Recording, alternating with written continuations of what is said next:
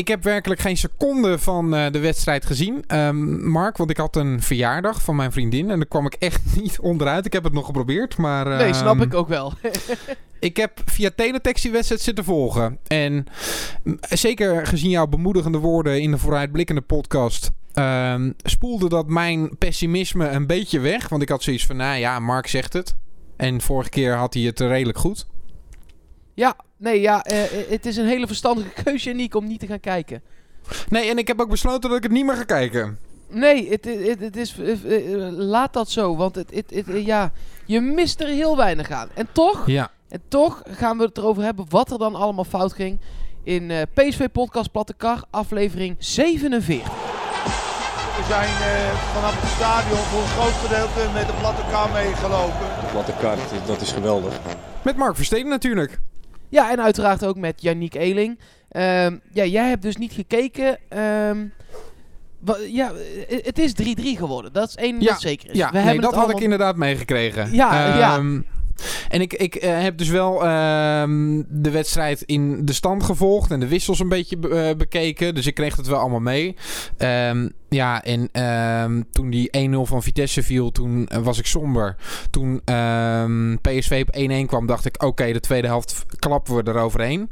Nou, dat gebeurde niet.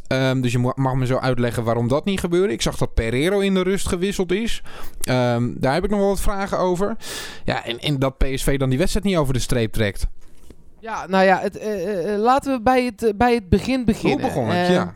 De algemene analyse van de wedstrijd is... PSV was gewoon weer niet op het niveau wat we in de eerste seizoenshelft hebben gezien. En dat is nu eigenlijk de hele tweede seizoenshelft al zo. En ik weet dat ja. Mark van Bommel het ongetwijfeld niet met mij eens gaat zijn. maar het is wel echt een stuk minder na de winter. Waardoor je je toch af gaat vragen... Zijn we nou in die eerste seizoenshelft zo verwend? Of is de tweede seizoen zelf minder en kan het gewoon echt heel veel beter. Nou ja, uh, we kregen die vraag ook binnen, Mark, van uh, Arjan van Egmond op Twitter. Ja, die zei ik ook, zag hebben het. wij Van Bommel niet te hoog ingeschat met z'n allen richting die tweede seizoenshelft?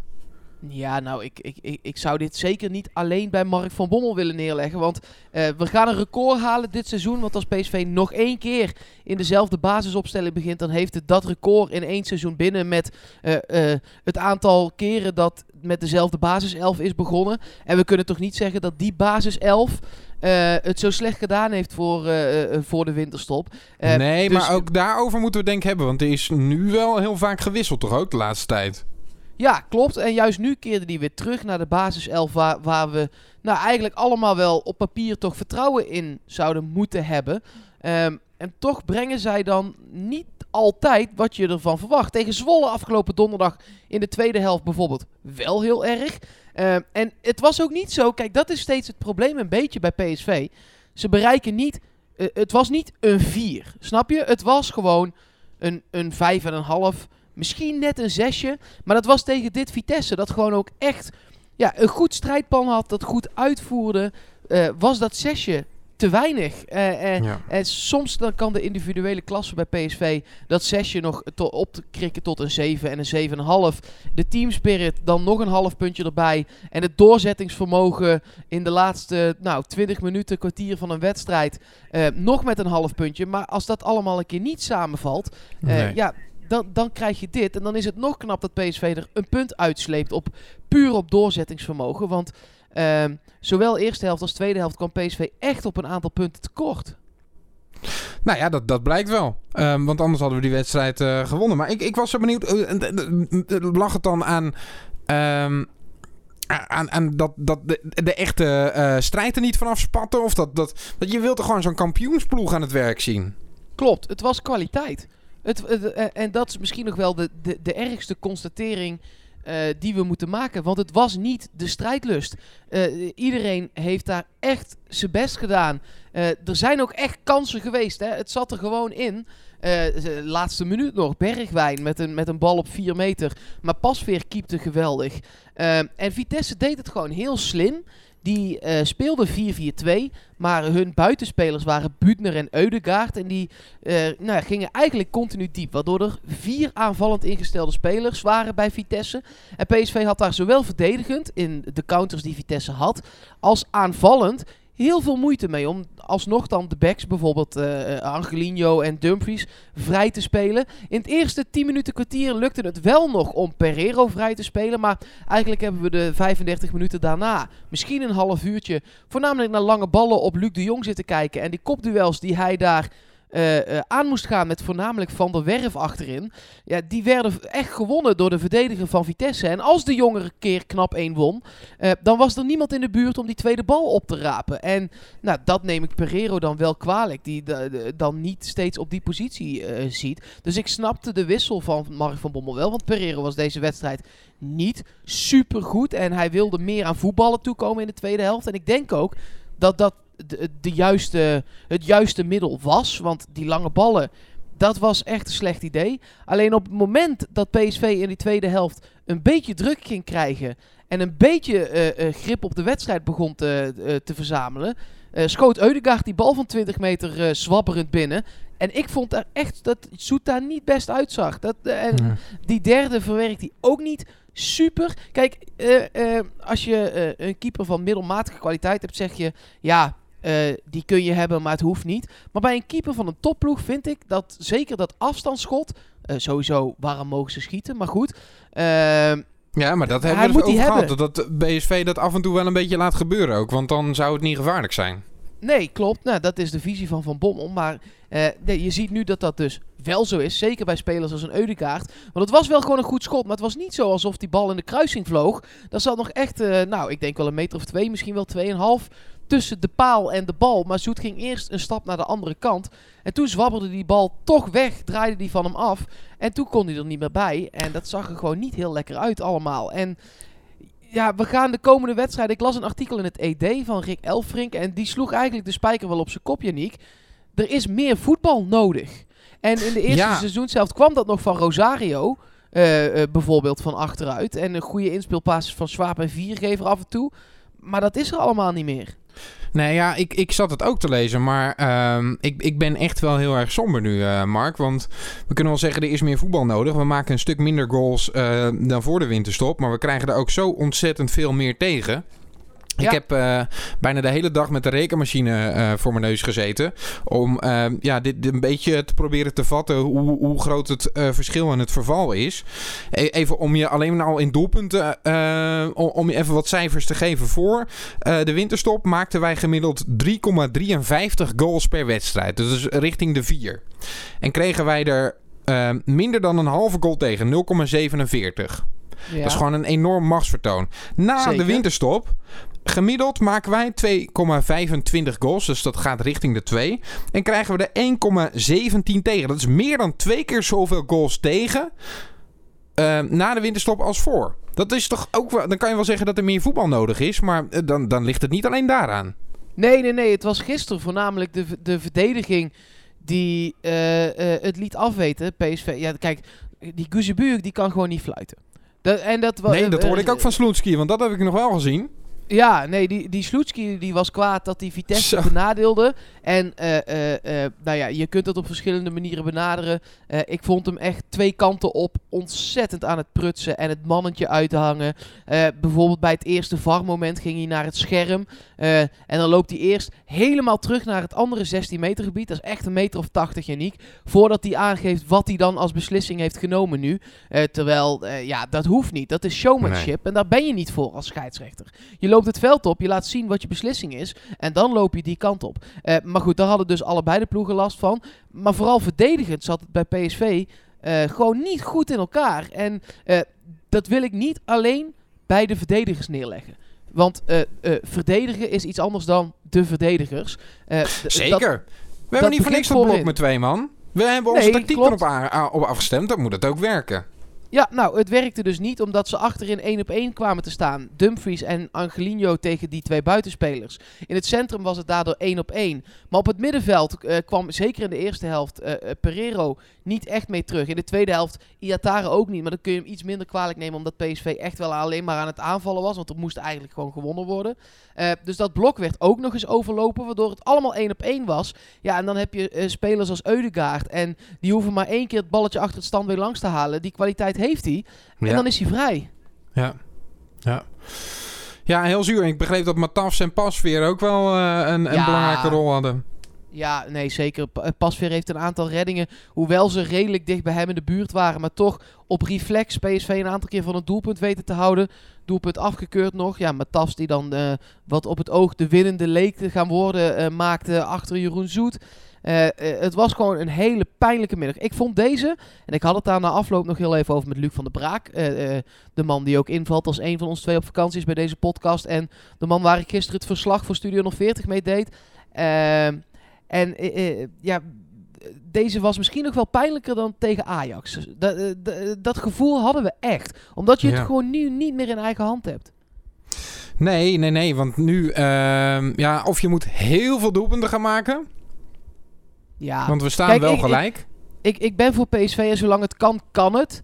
Maar Ja. eh, eh, we, we, we, ik vind ook dat we, hier- we hier niet valse hoop moeten gaan geven. nee. Want je negen doelpunten sta je achter op Ajax. Die hebben nog. Kijk, ik zeg niet dat Ajax alles wint. Maar eh, zoals wij de afgelopen tijd voetballen met PSV, durf ik ook niet te zeggen dat wij die, nee. die laatste vijf wedstrijden 15 punten over de streep gaan trekken, Janiek. Nou, mag ik daar even iets over zeggen? Want ik, ik heb daar ook over na zitten denken. Kijk, die wedstrijd tegen Groningen van Ajax, dat moet ik nog maar zien. Zij moeten daaruit naartoe. Ehm, dat, dat wordt misschien nog wel leuk.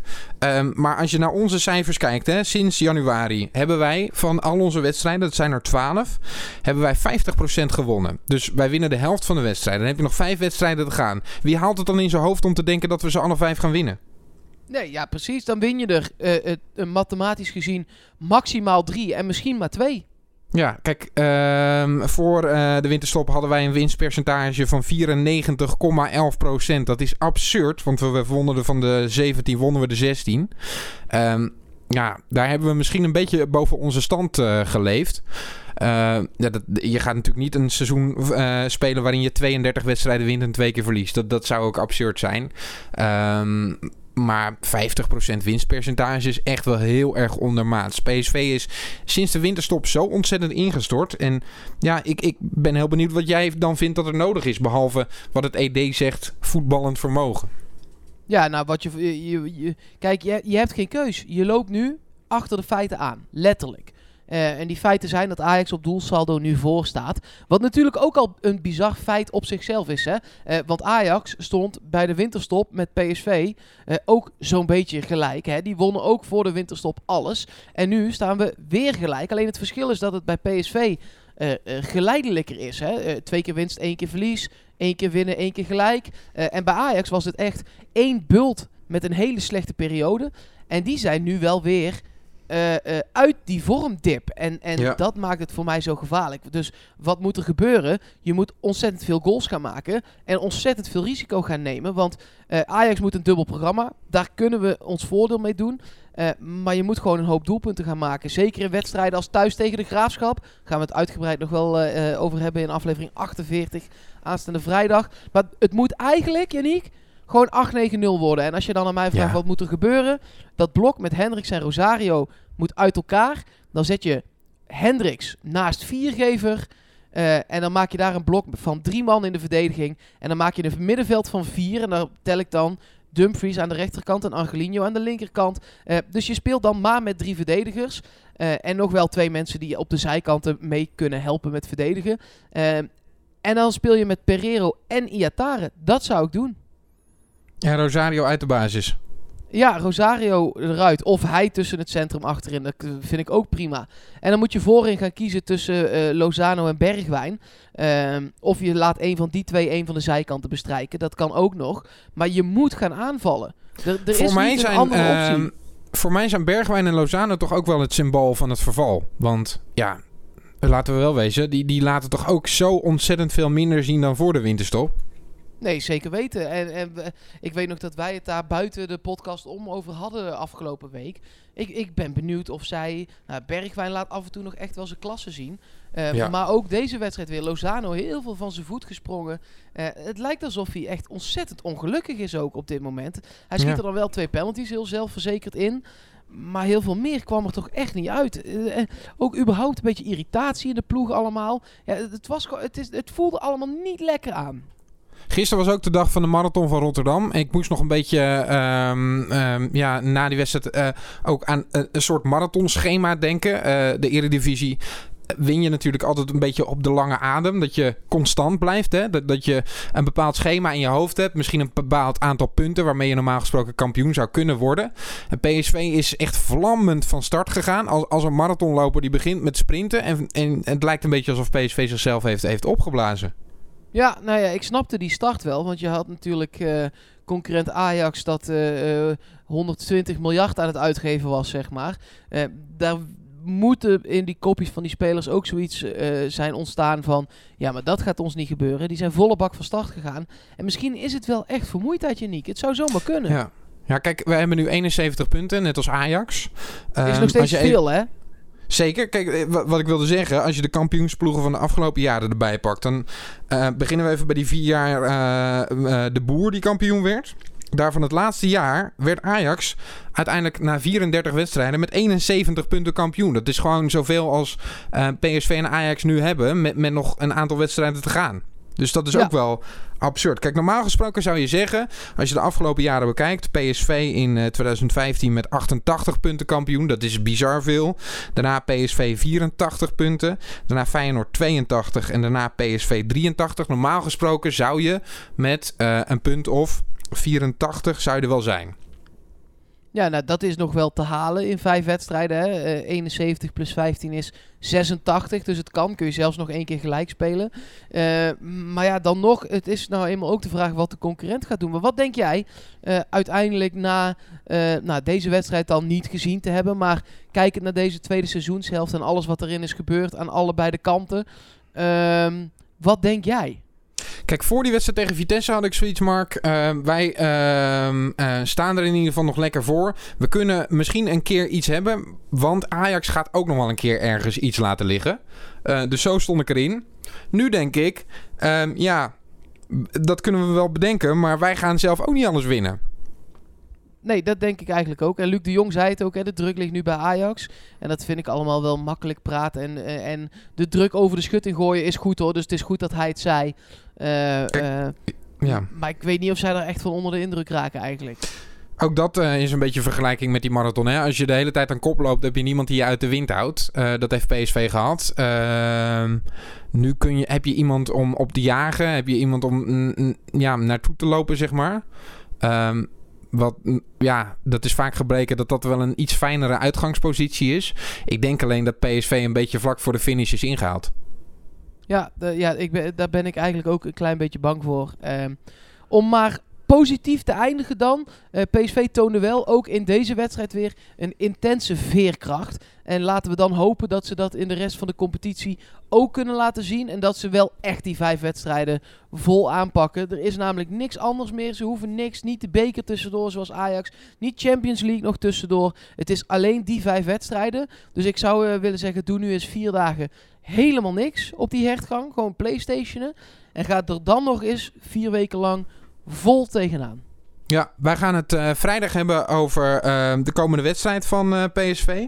We kregen van David0488 alvast wel een vraag over die, die wedstrijd. Die willen we eigenlijk wel vast beantwoorden.